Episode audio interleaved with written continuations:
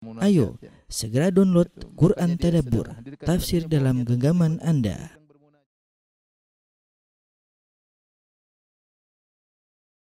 Assalamualaikum warahmatullahi wabarakatuh. Alhamdulillahi ala ihsani wa syukru lahu ala taufiqihi wa amtinani wa asyhadu an la ilaha illallah wahdahu la syarika lahu ta'ziman li sya'ni wa asyhadu anna Muhammadan abduhu wa rasuluhu da'ila ridwani Allahumma salli alaihi wa ala alihi wa ashabihi wa ikhwani. Pada kesempatan kali ini kita akan bahas tentang Ghazwat Banil Mustaliq atau Ghazwat Al-Muraisi'. Ini adalah uh, satu perang yang dikenal dengan dua nama. Terkadang disebut dengan Ghazwat Banil Mustaliq dan terkadang disebut dengan Ghazwat Al-Muraisi'. Adapun Al-Mustaliq adalah uh, lakop dari seseorang bernama Jadhimah bin Sa'ad bin Umar bin Rabi'ah bin Harithah salah satu cabang dari Bani Khuza'ah. Jadi uh, mereka bukan mereka Arab, tapi mereka bukan Quraisy, tapi mereka dari Bani Khuza'ah. Nenek moyang mereka namanya Al-Mustalik. Tadi Jadimah uh, dan lakopnya adalah Al-Mustalik. Sehingga keturunannya disebut dengan Banil Mustalik, yaitu anak-anaknya, anak-anak keturunan Al-Mustalik. Mereka akan diperangi oleh Nabi Shallallahu Alaihi Wasallam. Sehingga perang tersebut dengan dinamakan dengan Ghazwat Banil Mustalik atau dinamakan juga dengan Al-Muraisi. Adapun Al-Muraisi adalah salah satu nama tempat sumber air mereka. Daerah situ ada mata air yang dikenal dengan Al-Muraisi. Sehingga terkadang dinamakan juga Ghazwat Al-Muraisi. Dan peperangan ini terjadi ada khilaf di kalangan para mengatakan tahun 4 Hijriah, ada yang mengatakan tahun 5 Hijriah, ada yang mengatakan tahun 6 Hijriah. Tapi yang dirojikan adalah Hafidz Ibn Hajar rahimahullah taala Fathul Bari bahwasanya perang ini terjadi pada tahun uh, 5 uh, Hijriah bulan Sya'ban. Kenapa?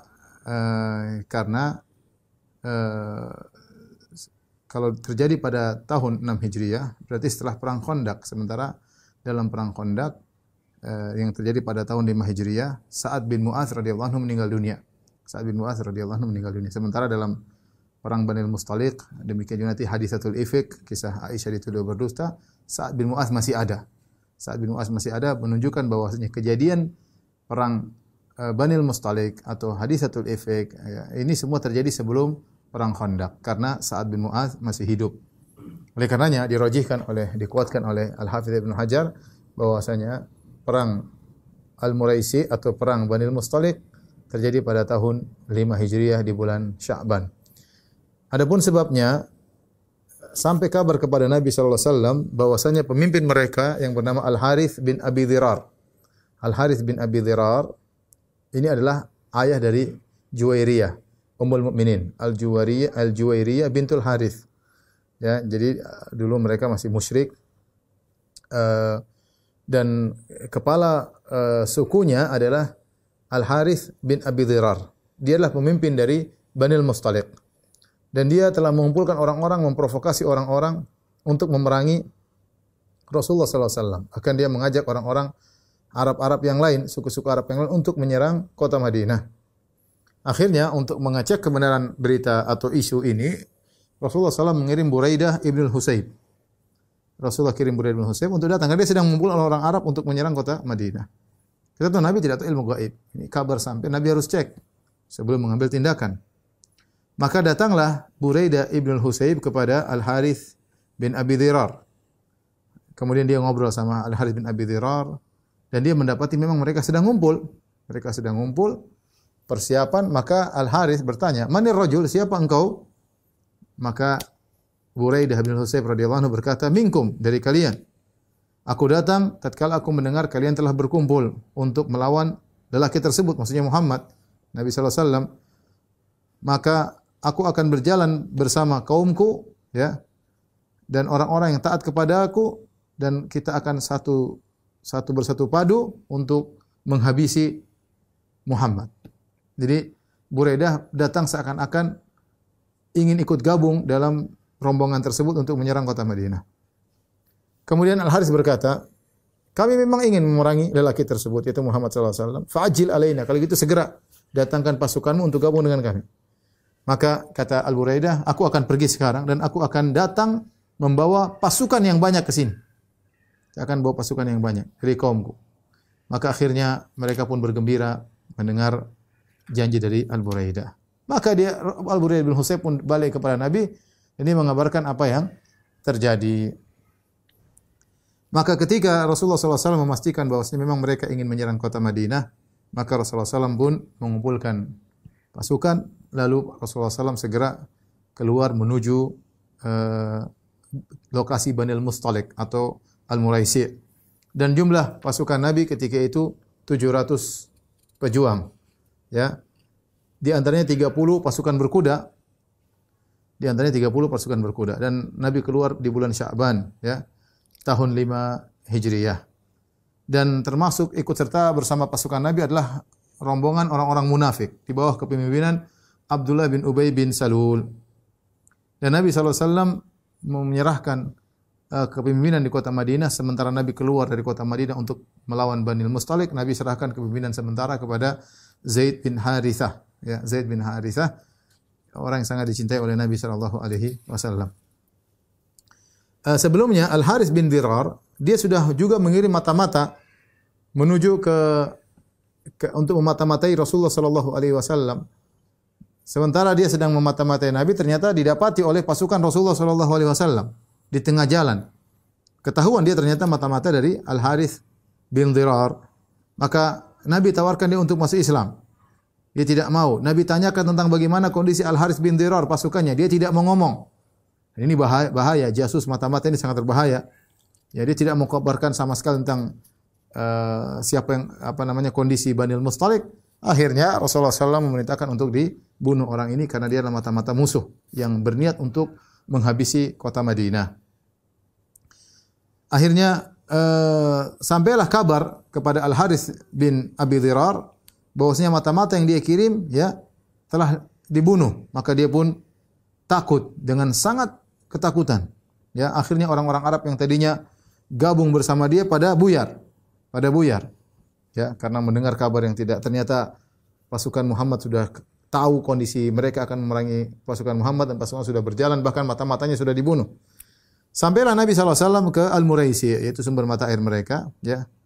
Fa'agara alaihim hum gharun, maka Nabi memerangi mereka sementara mereka dalam kondisi lalai. Mereka tidak tahu ternyata Nabi tiba lebih cepat dan akhirnya mereka diserang dalam mereka tidak bersiap ya akhirnya di uh, dirampaslah semua harta mereka ya dan mereka kalah ya. Kemudian uh, yang ber, yang melawan akhirnya di uh, apa namanya di, dibunuh. Kemudian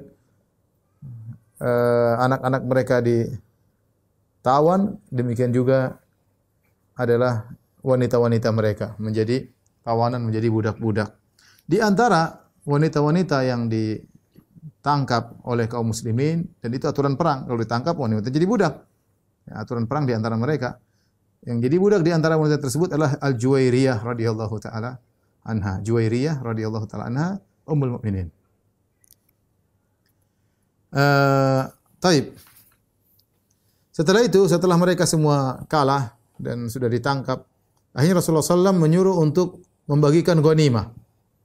Ghanimah semua dikumpulkan kemudian dibagi ya, mereka semua diikat tangan mereka ya. Kemudian uh, ghanimah dibagi ya, baik berupa barang-barang maupun senjata, berupa hewan-hewan, kambing-kambing ya, onta-onta ya. Semuanya dikumpulkan dan ini karena harta rampasan perang kemudian mulailah uh, dibagi-bagi ya. Di antaranya Rasulullah SAW memberikan kepada pasukan berkuda dua saham, gitu, dua bagian. Ya, kemudian pemilik uh, kuda satu bagian, pasukan pejalan kaki satu bagian. Jadi Rasulullah SAW membagi dengan dengan adil bahwasanya pasukan yang berkuda dia sangat dibutuhkan dalam peperangan dan kali ini mereka cuma bawa enam pasukan berkuda. Tentu dia perlu biaya, kuda dia punya biaya dan dia juga harus mahir naiki kuda berperang dah sambil naik kuda.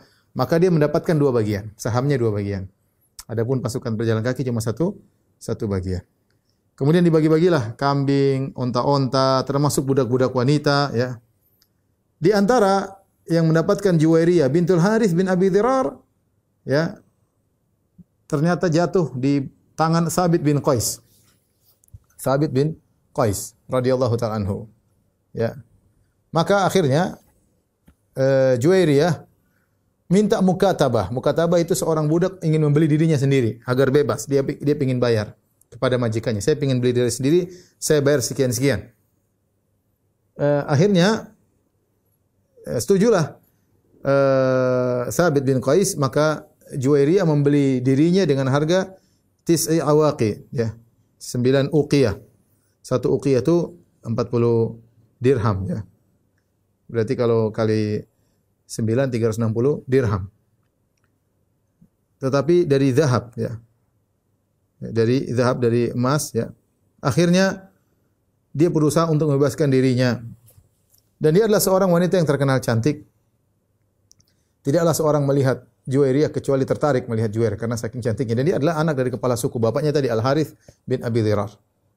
Akhirnya ketika dia sudah ingin membeli dirinya, membebaskan dirinya, maka dia pun datang kepada Nabi SAW, Juwairiyah. Datang kepada Nabi SAW, mungkin dia dengar tentang akhlak Nabi. Maka dia datang kepada Nabi, ketemu langsung dengan pimpinan kaum muslimin, maka dia pun uh, minta tolong kepada Nabi. Ya, Ya Rasulullah, aku minta tolong membantu aku agar aku bisa membayar diriku, menebus diriku. Aisyah radhiyallahu anha berkata, "Fa wallahi ma huwa illa an ra'aituha ala babil hujurati fakarihtuha." Ya. Aisyah lihat, Aisyah cemburu. Waduh, ini perempuan cantik ini kayaknya uh, ada firasat yang kurang enak ya. Ya. Dan saya tahu Rasulullah akan melihat sebagaimana yang aku lihat ya.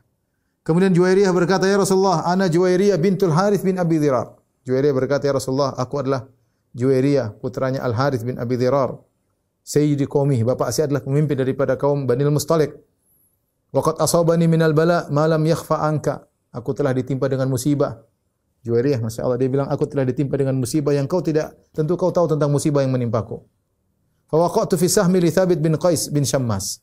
Dan aku ternyata jatuh dalam uh, apa saham yaitu bagian dari ghanimah milik Thabit bin Qais bin Syammas. Fakatabtu ala nafsi dan aku telah berusaha membeli diriku menebus diriku darinya Fajituka maka aku datang kepadamu asta'inuka ala kitabati. Aku minta bantuan kepada engkau wahai Rasulullah agar kau bantu aku bisa menebus diriku. Maka Rasulullah SAW berkata, "Fahallaki fi khairin min dhalik?" Maukah engkau ada tawaran yang lebih menarik daripada ini? Qalat Juwairiyah berkata, "Wa ma huwa ya Rasulullah?" Apa tawaran yang lebih menarik itu wahai Rasulullah? Kata Rasulullah SAW, "Aqdi kitabataki wa atazawwajuki. Aku akan bayarkan utangmu menebus dirimu tapi aku menikahimu. Qalat na'am ya Rasulullah. Kata Juwairiyah, "Ya, ya Rasulullah. Qad fa'altu, aku siap dinikahi."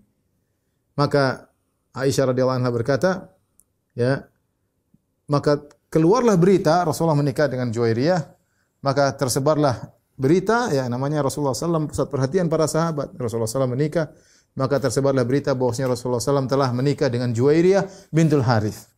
Yang jadi masalah banyak dari keluarga Juwairiyah yang ditawan jadi tawanan dari Banil Mustalik. Ketika Nabi menikahi Juwairiyah, orang-orang pada berkata, "Asharu Rasulullah sallallahu alaihi wasallam." Ya, kita ternyata menawan saudara-saudaranya apa ipar-iparnya Nabi. Karena Nabi menikah dengan Juwairiyah, maka saudara-saudara Juwairiyah menjadi keluarga Nabi, ya, keluarga dari istri.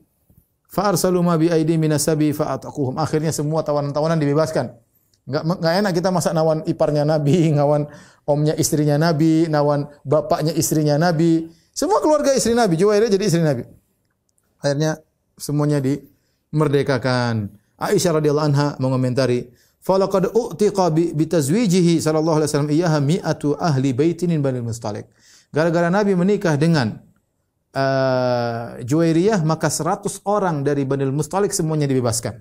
Fama a'lamu imra'atan kanat a'zama barakatan ala qaumiha minha. Kata Aisyah, aku tidak pernah bertemu dengan seorang wanita yang paling banyak keberkahannya terhadap kaumnya seperti Juwairiyah. Kenapa? Karena ketika dia mau dinikahi oleh Nabi sallallahu alaihi wasallam, akhirnya 100 orang dari kaumnya dibebaskan, dimerdekakan oleh para sahabat radhiyallahu taala anhum ajma'in sebagai bentuk penghormatan kepada Nabi karena tawanan mereka ternyata keluarga dari istrinya Nabi Juwairiyah radhiyallahu taala anha. Eh, dan ketika Nabi menikahi Juwairiyah, Juwairiyah umurnya sekitar 20 tahun. Uh, dan Juwairiyah radhiyallahu anha adalah seorang wanita yang dikenal dengan adzakiratil dzakiratillah katsiran, sangat sering berzikir, paling suka berzikir kepada Allah Subhanahu wa taala, rajin beribadah. Al-Imam Muslim meriwayatkan dalam sahihnya bahwasanya anna Nabi sallallahu alaihi wasallam kharaja min indiha bukratan hina shalla subha. Suatu hari Rasulullah sallallahu alaihi wasallam lagi nginap di rumah Juwairiyah, ya. Kemudian ketika sholat subuh, Nabi pergi sholat, wahya fi masjidiha. Dia sedang berzikir di masjidnya. Ya. Rasulullah SAW pergi ke masjid, sholat subuh. Waktu dia keluar, Nabi keluar ke masjid, dia sudah di musolanya, disebut masjid, masjid rumahnya itu di musolanya, di rumah maksudnya, sudah beribadah kepada Allah Subhanahu Wa Taala. Thumma raja'a ba'da an adha. Dan Rasulullah SAW biasa kalau sudah ke masjid, beliau berzikir sampai waktu duha. Ya subuh sampai waktu duha bisa jadi satu setengah jam atau dua jam. Ya Rasulullah SAW dua jam di masjid. Wahya jalisa Rasulullah balik dan dia masih duduk di situ di tempatnya berzikir kepada Allah. Subhanallah. Akhirnya Rasulullah SAW berkata kepada istrinya Juwairiyah, "Ma zilti alal hali allati faraktuki 'alaiha wahai Juwairiyah, waktu saya tinggalkan engkau, sekarang saya balik. Kau masih tetap di sini dari tadi? Sejak saya tinggalkan engkau subuh tadi?" Kata dia, "Na'am." Subhanallah. Ya, rajin ibadah ya. Duduk berzikir kepada Allah Subhanahu wa taala. Maka kata Nabi sallallahu alaihi wasallam, "Laqad qultu ba'daki arba'a kalimat." Salah marrat. Sungguh aku telah mengucapkan ya, tiga setelah aku meninggalkan engkau, saya mengucapkan tiga zikir, tiga zikir, eh, mengucapkan zikir sebanyak tiga kali. Empat kalimat saya ucapkan tiga kali. La wuzinat bima qulti mundul yaum la wazinat hunna. Kalau seandainya empat empat yang saya ucapkan tadi tiga kali dibandingkan dengan yang zikirmu dari subuh sampai duha sama. Nilainya sama. Nabi ajarkan zikir yang praktis pahalanya banyak. Apa itu? Subhanallah wa bihamdihi adada khalqihi wa ridha nafsihi wa zinata arsyihi wa midada kalimati. Diulang tiga kali. Subhanallah bihamdihi adada khalqihi wa ridha nafsihi wa zinata arsyihi wa kalimati. Subhanallah bihamdihi adada khalqihi wa ridha nafsihi wa zinata wa midada kalimati. Wa midada kalimati. Ya ini diucapkan tiga kali maka menyamai zikir Juwairiyah dari subuh sampai waktu duha. Ini menunjukkan zikir yang spesial makanya uh, dijadikan sebagai zikir pagi hari. Zikir pagi petang, pagi hari kita baca ini sebanyak tiga kali. Setelah sholat subuh kita kita baca. Menjadi perhatian kita bagaimana Juwairiyah duduk di musolanya di rumahnya berzikir kepada Allah Subhanahu wa taala dan kita nasihatkan kepada para wanita, para ibu-ibu demikian juga ya. Kalau tidak ada kegiatan, kalau ada kegiatan maka laksanakan kegiatan, ngurus anak, ngurus suami. Tapi kalau nggak ada kegiatan, berzikir kepada Allah. Bukan zikir HP ya. Lihat browsing, browsing, browsing, browsing, subhanallah. Tidak terasa lewat 15 menit. Masih belum puas browsing, browsing lagi 15 menit berikutnya. Masih belum puas browsing, browsing lagi setengah jam berikutnya. Ketawa-ketawa sendiri dan seterusnya sampai satu jam tidak terasa. Dan ini hanya buang-buang waktu. Umur semakin berkurang ibu-ibu semakin kurang cantik ya, semakin peot wajahnya ya, sementara waktu dihabiskan untuk melihat ya browsing-browsing yang ada di HP ya, kabar-kabar yang tidak menambah imannya. Oleh karenanya kita saling mengingatkan antara suami dan istri, antara seorang uh dengan akhwat dengan saudara-saudarinya, seorang akhi dengan ikhwannya ya saudara-saudaranya. Saling mengingatkan maksudnya umur kita terbatas, waktu kita terbatas. Jangan kita buang-buang pada hal-hal yang tidak bermanfaat. Min husni islamil, islamil mar'i tarkuhum ala ya'ni. Di antara keelokan Islam seorang meninggalkan yang bukan urusannya. Lihat bagaimana ibunda kita Ummul Mukminin Juwairiyah mencontohkan ya subuh berzikir kepada Allah kalau tidak ada kegiatan berzikir kepada Allah Subhanahu wa taala. Dan Juwairiyah radhiyallahu anha wafat pada tahun 50 eh, Hijriah ketika uh, ada yang mengatakan 6, 56 Hijriah di zaman kekhilafahan Muawiyah bin Abi Sufyan. Ya.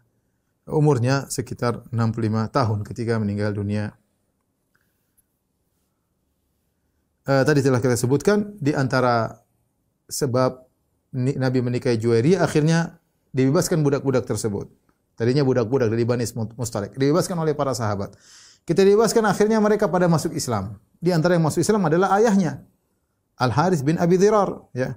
Maka dia masuk Islam, akhirnya dia menyuruh kepada kaumnya dia berdakwah, akhirnya kaumnya masuk Islam. Subhanallah, bagaimana berkahnya Juwairiyah. Gara-gara masuk Islam, bapaknya masuk Islam, akhirnya bapaknya berdakwah, akhirnya kaumnya pun masuk masuk Islam. Ketika terjadi eh, perang Banil Mustalik, eh, para sahabat menawan ya, wanita-wanita ya dijadikan eh, budak-budak mereka dan kita tahu namanya budak sah untuk digauli ya ketika itu para sahabat pingin apa namanya punya hasrat karena mereka sudah lama berpisah dari keluarga dan yang lain sehingga mereka ingin menggauli budak-budak mereka ya. Tapi mereka tidak ingin uh, meletakkan air mani dalam rahim budak-budak tersebut ya. Karena kalau aturannya kalau budak wanita digauli kemudian air air maninya masuk dalam rahimnya, kemudian dia punya anak, maka dia disebut dengan umul walad. Umul walad itu tidak boleh dijual belikan ya, tidak boleh dijual belikan. Kalau tuannya meninggal maka dia bebas ya. Seperti itu dan mereka tidak ingin punya anak dari budak.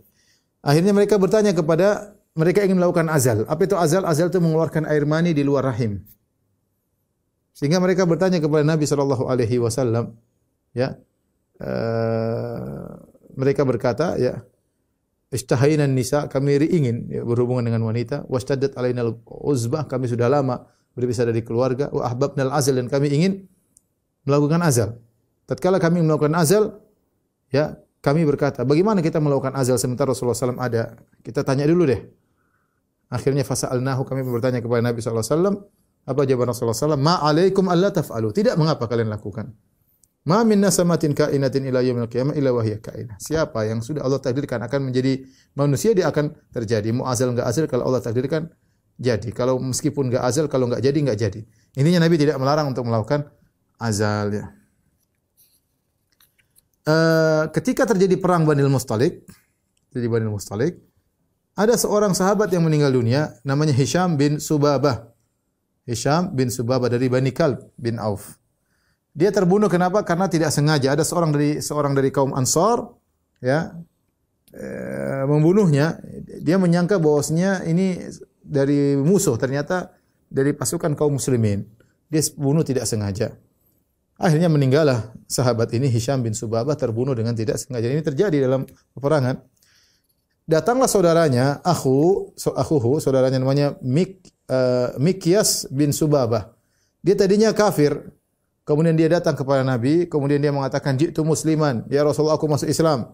Dan aku minta diatnya saudaraku yang terbunuh. Dia telah terbunuh tanpa sengaja. Maka Rasulullah SAW meminta untuk membayar diatnya. Dia nuntut diat dia itu ah, apa bayaran karena telah uh, terbunuh. Akhirnya dia pun mengambil dia tersebut ya. Kemudian setelah itu dia tinggal bersama Rasulullah di Madinah tidak berapa lama.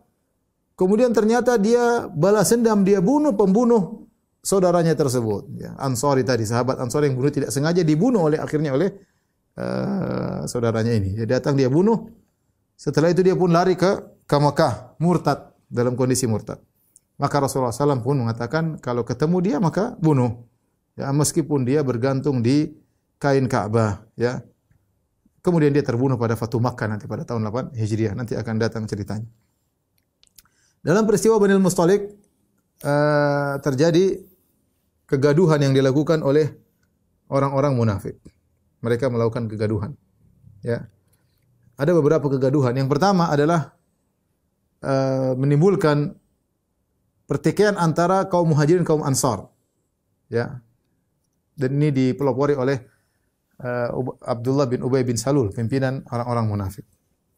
Suatu ketika, ketika Rasulullah SAW sedang berada di suatu sumber air, entah sumur atau mata air, izdahama rajulani alal ma. Tiba-tiba ada dua orang berebutan ngambil air. Yang satu dari muhajirin, yang satu dari ansar. Sahabat dua-duanya. Rupanya mungkin ada kesalahpahaman atau apa. Akhirnya yang muhajirin ini, lelaki dari muhajirin ini kemudian mungkin dia jengkel, fakasa'a al muhajirin ansar. Maka yang muhajir ini dia memukul pantatnya al ansari. Entah dia pukul pakai tangan, entah dia tendang. Akhirnya orang ansar ini pun tersinggung. Maka dia teriak, "Ya lal ansar, wahai kaum ansar, tolong saya." Mulailah dia jengkel ini muhajirin kok mukul saya mukul tendang pantat saya. Maka yang muhajirin berkata, "Ya lal muhajirin, wahai kaum muhajirin, tolong saya." Rasulullah SAW mendengar yang satu teriak wahai kaum Ansar, yang satu berteriak wahai kaum Muhajirin. Ini bahaya nih. Maka Rasulullah SAW marah kata Rasulullah SAW, "Ma balu dakwal jahiliyah?" Apa ini seruan-seruan jahiliyah? Ya, seruan yang menimbulkan pertikaian di antara uh, kaum kaum muslimin. Padahal seruan tersebut syar'i. Nama Muhajirin syar'i, nama Ansar syar'i. Tetapi ketika nama tersebut digunakan untuk saling bermusuhan, maka ini seruan jahiliyah.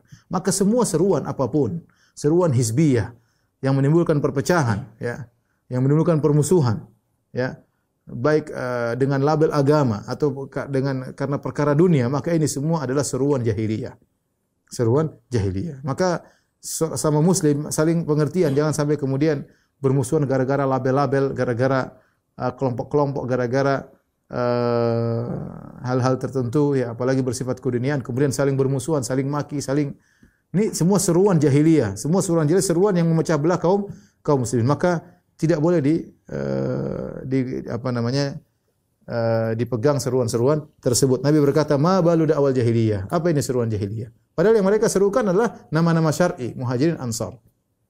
Ya, bagaimana kita dengar lebih menyedihkan kemudian ribut gara-gara urusan bola lah, kaum muslimin sampai ada yang meninggal sampai perang-perangan, konyol ya.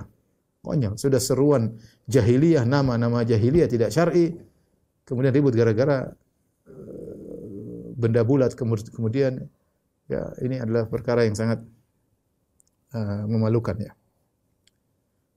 Maka mereka berkata, "Ya Rasulullah, kasa rajul min hajirin rajulan min ansar." Ya Rasulullah, ada sadi sahabat muhajirin dia tendang pantat seorang ansari. Maka Rasulullah SAW mengatakan, "Da'uha fa innaha muntinah." Tinggalkan seruan-seruan tersebut. Itu semua adalah seruan-seruan yang bau busuk. Muntinah itu bau bau busuk. Saya tidak ingin dengar seruan-seruan yang menimbulkan pertikaian. Meskipun atas nama Ansari Muhajirin. Tapi kalau ini tujuannya adalah untuk pertikaian, Rasulullah bilang tinggalkan. Itu semua seruan jahiliyah. Bau yang busuk. Lian suril rajulu akhahu zaliman au madluman. Hendaknya seorang menolong saudaranya, baik saudaranya dalam kondisi zalim atau dalam kondisi terzalimi. Fa in kana zaliman falyanhahu. Kalau saudaranya zalim mengganggu yang lain, maka cegah dia, tegur. Bukan berarti berkelahi malah menghabisi, tegur, tolong dia. Tolongnya gimana? Tahan, jangan kau lakukan lagi. Ya. Fa innahu lahu nusra wa in kana madhluman falyansur. Kalau ternyata di, dibela, ya jangan jangan kau tenang dia, ya. Bukan dengan cara bertikai menimbulkan dua kubu perang antara kaum muslimin kaum muhajirin. Akhirnya kabar ini Ansori ditendang sama muhajirin sampai kepada Abdullah bin Ubay bin Salul. Kita tahu Abdullah bin Ubay bin Salul dia KTP-nya Ansori karena dia dari penduduk kota Madinah ya. Dari suku Al-Khazraj, dari suku Al-Khazraj ya. Dia dengar, wah dia dia, dia marah, dia marah. Kemudian dia berbicara. Ternyata di antara kelompoknya ada nama Zaid bin Arqam. Zaid bin Arqam sahabat mendengar mereka berbicara. Akhirnya dia berkata, "Awaqad fa'aluha?" Berani mereka kaum muhajirin melakukan demikian? Kaum muhajirin enggak tahu diri. Intinya Abdullah bin Zaid mengatakan demikian. Kita ini kaum Ansar nolong mereka. Mereka terusir dari kota Makkah ke sini tinggal di Madinah, sekarang bikin ulah. Awaqad fa'aluha? Benar-benar mereka telah menendang kaum Ansar? Qad nafaruna wa katharuna. Mereka sudah tinggal bersama kita, bikin ramai di kota Madinah, fi biladina. Wallahi ma mathaluna wa jalabibu Quraisy illa kama qala al-awwal sammin kalbaka ya'kulka. Tidaklah perumpamaan kita dengan perumpamaan orang-orang Quraisy tersebut. Maksudnya muhajirin. Tidaklah perumpamaan kita orang Ansar dengan orang-orang muhajirin, kaum Quraisy, kecuali seperti perkataan pepatah orang-orang Arab terdahulu. Gemukkan anjingmu, maka anjingmu akan makan engkau. Kasih makan anjing biar gemuk, nanti anjing makan engkau. Ya sama. Ini orang muhajirin kita sudah, kita sudah baikin, ternyata main belakang tendang. Ini kurang ajar. Jadi uh, Abdullah bin Ubay bin Salul uh, marah dia. Karena suku dia kaum Ansaran ditendang sama muhajirin. Amma wallahi la in raja'na ila al-Madinati la yukhrijanna al-azu hal adhar. Demi Allah kata Abdullah bin Ubay bin Salul, kalau kita pulang kota Madinah nanti dari perang ini, dari perang Muraisi, kita pulang kota Madinah, sungguhnya orang yang al-az yang lebih uh, berkuasa akan mengusir orang yang terhina. Maksudnya muhajirin terhina akan kita usir. Atau Rasulullah SAW akan kita usir. Kemudian dia balik, dia menghadap kaumnya. Dia provokator, dia berkata, Hada ma fa'altum bi anfusikum. Kalian ini yang bikin masalah, kalian sendiri, yang salah sendiri. Ahlal tumuhum biladakum. Kalian telah biarkan mereka, orang-orang Quraisy tersebut tinggal di negeri kalian. Wa qasamtumuhum amwalakum. Bahkan kalian begitu baiknya harta kalian kalian bagi Harta kalian bagi untuk mereka. Ya, coba lihat apa yang mereka lakukan sekarang. Ama wallahi law amsaktum anhum ma bi aidikum seandainya dulu kalian tidak bagi-bagi harta buat mereka la tahawwalu ila ghairi darikum tentu mereka akan pergi ke kota, ke kota yang lain. Fala tunfiqu ala man inda rasulillah hatta yanfaddu min hauli jangan sekali-sekali lagi beri infak kepada orang-orang muhajirin yang miskin-miskin tersebut. Jangan kasih lagi sampai mereka pergi dari nabi baru mungkin kasih nabi. Tahu tapi orang itu enggak usah Zaid bin Arqam mendengar pembicaraan tersebut. Maka dia pun lapor kepada pamannya. Ya, dia lapor kepada uh, pamannya. Ini dia masih kecil. Zaid bin Arqam masih masih kecil ya termasuk sahabat yang uh, junior makanya ketika dia dalam perang Uhud mau ikut perang tidak boleh ikut ya. Berarti kalau dia masih umur 14 atau 13 berarti sekarang umurnya masih 15, masih remaja, intinya masih remaja. Maka aku kabarkan kepada pamanku tentang pembicaraan Abdullah bin Ubay bin Salul tokoh munafik. Maka pamanku sampaikan kepada Nabi sallallahu alaihi wasallam tentang pembicaraan Abdullah bin Ubay bin Salul tokoh munafik. Umar marah. Umar berkata, "Ya Rasulullah, da'ni adrib unuk hadzal rajul." Hadal munafik. Ya Rasulullah, biarkan aku penggal kepala Abdullah bin Ubay bin Salul. Orang munafik ini. Apa kata Nabi SAW? Da'hu, biarkan dia. Jangan dipenggal kepalanya. La yatahaddatsu nasu anna Muhammadan yaqtulu ashabahu. Jangan sampai orang-orang jadi isu tersebar Muhammad telah membunuh sahabatnya. Rasulullah menjaga uh, citra orang Islam. Ya. Ini orang munafik secara hukum boleh dibunuh, tetapi dia masalahnya dia KTP-nya Islam. Seandainya Nabi membunuh Abdullah bin Ubay bin Salul maka akan tersebar isu Muhammad bunuh sahabatnya karena secara zahir Abdullah bin Ubay bin Salul ini sahabat Nabi. Secara zahir dia Ansari. Maka Nabi mengatakan jangan la yatahaddatsun nasu anna Muhammadan yaqtul ashabu. Jangan sampai jadi isu orang-orang membicarakan Muhammad telah membunuh sahabatnya. Ya. Kemudian Nabi pun mengutus utusan kepada Abdullah bin Ubay bin Salul untuk bertanya, apakah mereka telah berkata demikian? Fahalafu maqalu kata mereka tidak demi Allah kami tidak pernah ngomong demikian. Akhirnya wakadzabani Nabi sallallahu alaihi Nabi tidak percaya kepadaku ya. Zahirnya di mereka nolak. Kemudian dalam riwayat Abdullah bin Ubay bin Salul bersumpah, demi Allah aku tidak pernah mengucapkan demikian. Zaid bin Arkom yang pendusta, itu remaja anak kecil Zaid bin Arkom berdusta atas namaku. Aku tidak pernah mengucapkan demikian. Ya. Kemudian Rasulullah SAW memandang kepada Sa'ad bin Ubadah. Qala Sa'ad, "Ya Rasulullah, innama akhbar akhbaranihi al-gulam li Zaid bin Arqam ya." Sungguhnya aku dikabarkan oleh remaja tadi ya uh, dari Zaid bin Arqam. Taib. Faja'a Sa'ad, Sa'ad bin datang datang kepada kepada Zaid fa akhadha fa akhadha biyadi kemudian dia pegang tanganku. Fantalaqa bi. Ya, saat sepertinya saat uh, bin Ubadah ya. Eh, kemudian dia pegang tanganku faqala hadza haddatsani maka dia berkata ini yang telah menyampaikan kepadaku. Zaid bin Arqam telah menyampaikan cerita kepadaku. Fantaharani Abdullah bin Ubay bin Salul. Abdullah bin Salul pun bentak aku. Ya. Bentak aku fa ahjastu ila Rasulullah wasallam fabaikait ketika aku dibentak dia masih remaja. Dibentak oleh Abdullah bin Ubay bin Salul tokoh mereka orang tua. Akhirnya aku pun menuju kepada Nabi aku pun menangis. Aku berkata kepada Nabi, "Walladzi anzala 'alaika nubuwah laqad qala ya Rasulullah, demi Allah yang telah memberikan kenabian kepadamu." Itu Abdullah bin Ubay bin Salul ngomong demikian. Akhirnya kaumku pada menyelaku, "Eh, Zaid, jangan bohong. Kau ingin apa sih ngomong begini? Apa sampai gini kepada Nabi maksudnya apa?" Ya fa asabani hammun lam yusibni mithlu qad maka aku sangat sedih ketika itu. Aku tidak pernah mengalami kesedihan seperti ini. Wa jalastu fi baiti, aku hanya nongkrong di rumahku. Ya. uh, pamanku berkata kepadaku, "Ma arata ila an kadzdzabaka nabi wa maqataka." Kau itu salah ngomong wahai Zaid. Gara-gara ngomong begini, tujuanmu apa? Akhirnya Nabi kan mendustakan engkau. Nabi kan marah kepadamu. Ketika terjadi desas-desus gini, bagaimana sikap Nabi sallallahu alaihi wasallam? Uh, lihat bagaimana sikap Rasulullah SAW ketika menghadapi isu seperti ini. Maka Rasulullah SAW segera menyuruh pasukan pulang, tidak lama-lama ya. Kenapa? Karena ada keributan antara dua lelaki dari kaum Ansar dan kaum uh, Muhajirin. Ya. Maka Rasulullah SAW mendengar pembicaraan orang munafik, maka Rasulullah SAW suruh pulang, kita pulang segera. Ya. Di waktu yang tidak biasanya Nabi Shallallahu Alaihi Wasallam, ya. Jadi ketika kasus terjadi di daerah Muraisi, ya, ini berlanjut sampai di kota Madinah, ya. Ketika terjadi desas-desus, kemudian pembicaraan Abdullah bin Ubay bin Salul sampai kepada Nabi ada laporan kemudian ribut, maka Rasulullah SAW suruh pulang segera. Kenapa? Supaya isu tidak menjadi tersebar sehingga orang-orang tersibukkan untuk pulang. Ini di antara cerdasnya Nabi SAW. Sudah pulang aja. Ya, di waktu yang tidak biasa Nabi berjalan pulang. Sampai-sampai uh, datang Usaid bin Hudair kemudian mengatakan, "Ya Rasulullah, ya engkau telah memutuskan perjalanan di waktu yang tidak biasa."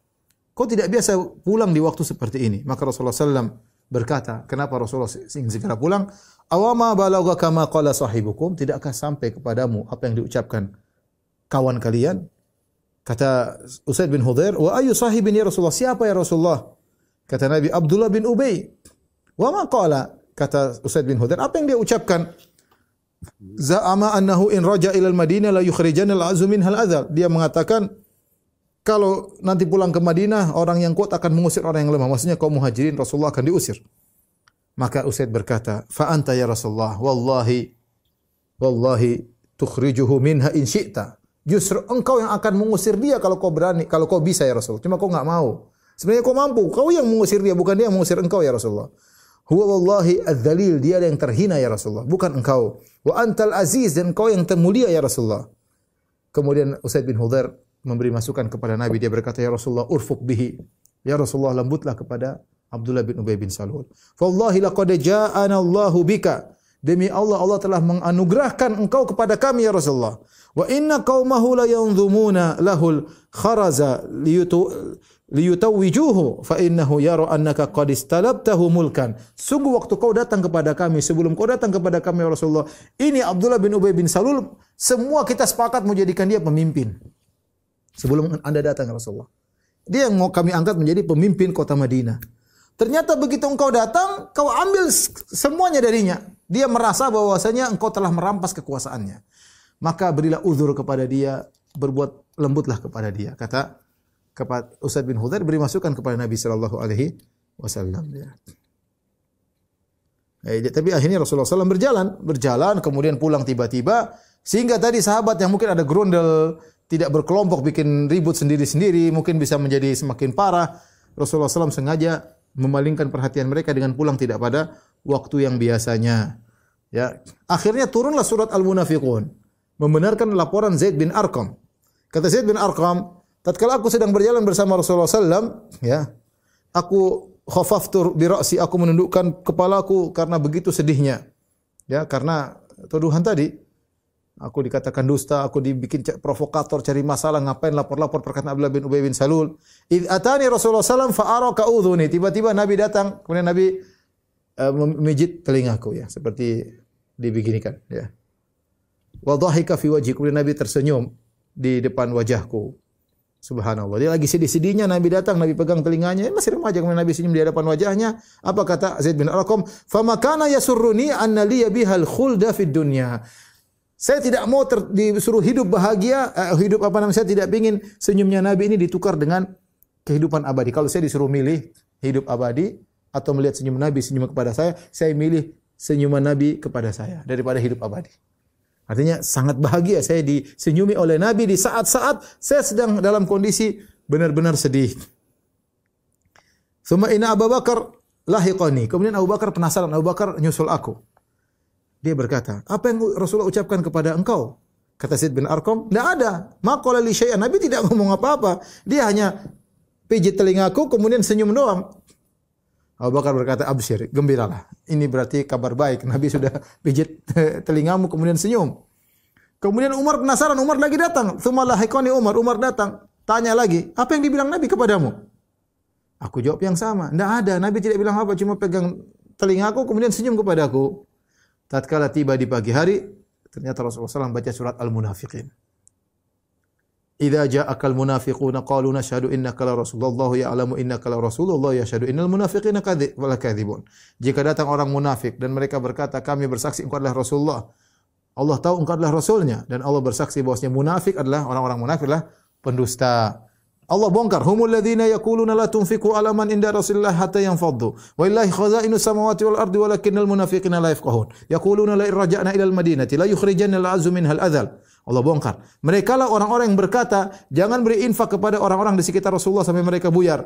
Sungguhnya perbenaran langit dan bumi hanyalah milik Allah Subhanahu wa taala. Akan tapi orang munafik tidak mengetahui. Mereka lah yang berkata, la irja'na il Madinah. Kalau kita pulang ke Madinah, yang perkasa akan mengusir yang lemah. Ya, ini ucapan ini ternyata benar-benar terjadi. Ya. Zaid berkata, ya, maka Rasulullah SAW mengirim utusan kepadaku untuk membacakan surat ini kepadaku. Inna Allah azza wa jalla qad saddaqaka. Allah telah membenarkan engkau wahai Zaid bin bin Arqam ya. Hadza alladhi awfallahu lahu bi udhunih ya. Taib.